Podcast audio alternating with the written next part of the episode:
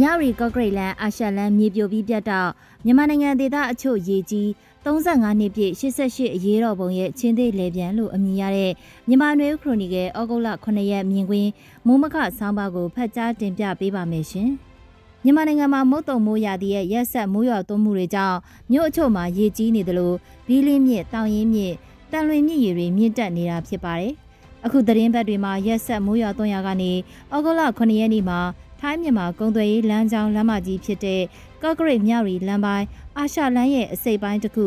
တောင်ကပန်းပတ်လမ်းပိုင်းမြေပြိုကျကပြတ်တောက်သွားခဲ့ပါတယ်။ပေဒီယာလောက်အရှိရှိတဲ့လမ်းပိုင်းပြတ်ကျသွားတာကြောင့်မြောက်ရီကော့ဂရိတ်လမ်းမကြီးသုံးလို့မရအောင်ပြတ်တောက်သွားခဲ့ပါတယ်။ထိုင်းမြန်မာကုန်သွယ်ရေးမှာအဓိကကျတဲ့အာရှလမ်းပိုင်းဟာမကြသေးခင်ကာလတွေမှာလည်းတိုက်ပွဲဖြစ်ပွားမှုတွေနဲ့လက်နက်ကင်အဖွဲ့တွေကသတင်းပတ်အတန်းကြားပိတ်ထားခဲ့တဲ့ဖြစ်ရပ်တွေရှိခဲ့ပါတယ်။ အဲ့ကာလတွေတုန်းကထုတ်ကိုကိုကတဆင့်သွာလာခဲ့ကြတာဖြစ်ပေမဲ့အခုမိုးရသည်မှာထုတ်ကိုကိုလမ်းပိုင်းကရှုံးဘက်တွေနဲ့သွာလာဖို့ခက်ခဲနေတဲ့အနေအထားမျိုးလို့သတင်းတွေမှာဖော်ပြထားကြပါတယ်။အခုမြေပြိုမှုဖြစ်ပွားတဲ့နေရာဟာမကြာခဏတိုက်ပွဲဖြစ်ပွားလေးရှိတဲ့တောနော်ရေတကွန်အနီးကလမ်းပိုင်းလေးဖြစ်ပါတယ်။ထိုင်းမြန်မာနယ်စပ်ကုံသွယ်ရေးက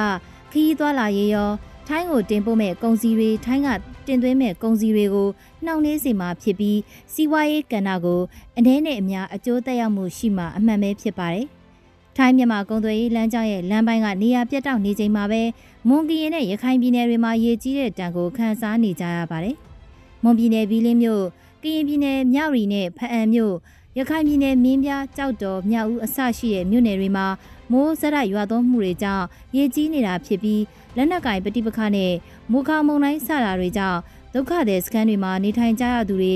ရေကြီးတဲ့ဒဏ်ကိုခံစားနေကြရတာဖြစ်ပါတယ်။တဘာဝဘေးရန်ရဲ့ဒဏ်နဲ့လက်နက်ကင်တိုက်ပွဲရဲ့ဒဏ်ကိုတပြိုင်နက်တည်းခံစားနေကြရတာဖြစ်ပြီးတဘာဝဘေးရန်ရဲ့ဒဏ်ခံစားရသူတွေကိုအကူအညီပေးရေးအပိုင်းမှာနိုင်ငံရေးပြဿနာအုပ်ချုပ်မှုပိုင်းအားနည်းခြင်းနဲ့လူမှုအတိုင်းဝိုင်းအနေနဲ့လည်း အချင်းချင်းကူညီဖေးမမှုအပိုင်းမှာအားနည်းမှုတွေရှိနေတဲ့ကာလတွေဖြစ်တာကြောင့်ဒီဒေသကသူတွေအဖို့အခုလိုအခြေအနေကိုပိုပြီးခက်ခဲစွာရင်ဆိုင်ဖြတ်ကျော်နေရတဲ့အခြေအနေမျိုးလည်းဖြစ်ပါတယ်။အော်ဂိုလာရှိရနေ့ဟာ88အရေးတော်ပုံ35နှစ်ပြည့်မြောက်တဲ့နေ့လည်းဖြစ်ပါတယ်။1988ခုနှစ်အော်ဂိုလာရှိရနေ့မှာ8ရက်8လ88ခုနှစ်ကိုထူးခြားတဲ့မှတ်သားရလွယ်ကူတဲ့နေ့ရက်အနေနဲ့လူမှုလှုပ်ရှားမှုကိုနှိုးဆော်ခဲ့ရကတလာခွဲကြာဆန္ဒပြမှုတွေ ပြစ်ခတ်နှိမ်နှင်းဖြိုခွဲမှုတပ်ဖြတ်မှုဖမ်းဆီးမှုနဲ့တလကြောကြာအုပ်ချုပ်ရေးရပ်ဆိုင်းခဲ့ရပါတယ်။အိမ်မှာစစ်တပ်ကလက်နက်နဲ့အာဏာသိမ်းဖြိုခွဲမှုတွေဖြစ်ပွားခဲ့တဲ့88အရေးတော်ပုံဟာတပါတီအာဏာရှင်စနစ်ရဲ့ညီကုန်းအဆုံးသတ်ခဲ့ပေမဲ့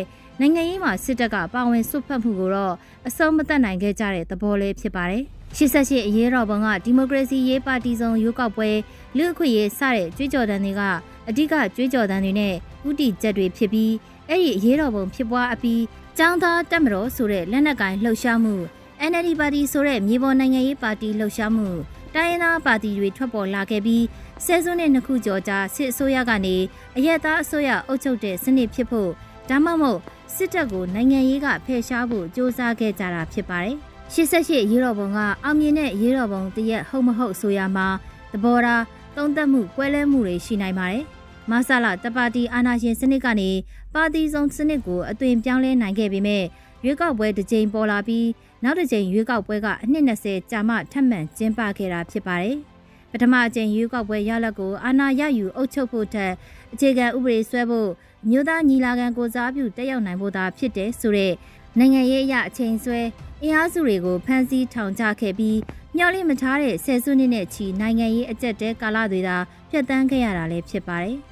လက်နက်ကင်တော်လန်ရေးတရက်စင်ပြိုင်အစိုးရတရက်ကိုလည်းတီထောင်လှုပ်ရှားခဲ့ကြပြီးမြေပေါ်မှာလည်းအင်အားကောင်းတဲ့အတိုက်ခံပါတီတရက်ကိုဖွဲ့စည်းနိုင်ခဲ့ပေမဲ့မြေပေါ်လှုပ်ရှားမှုတွေက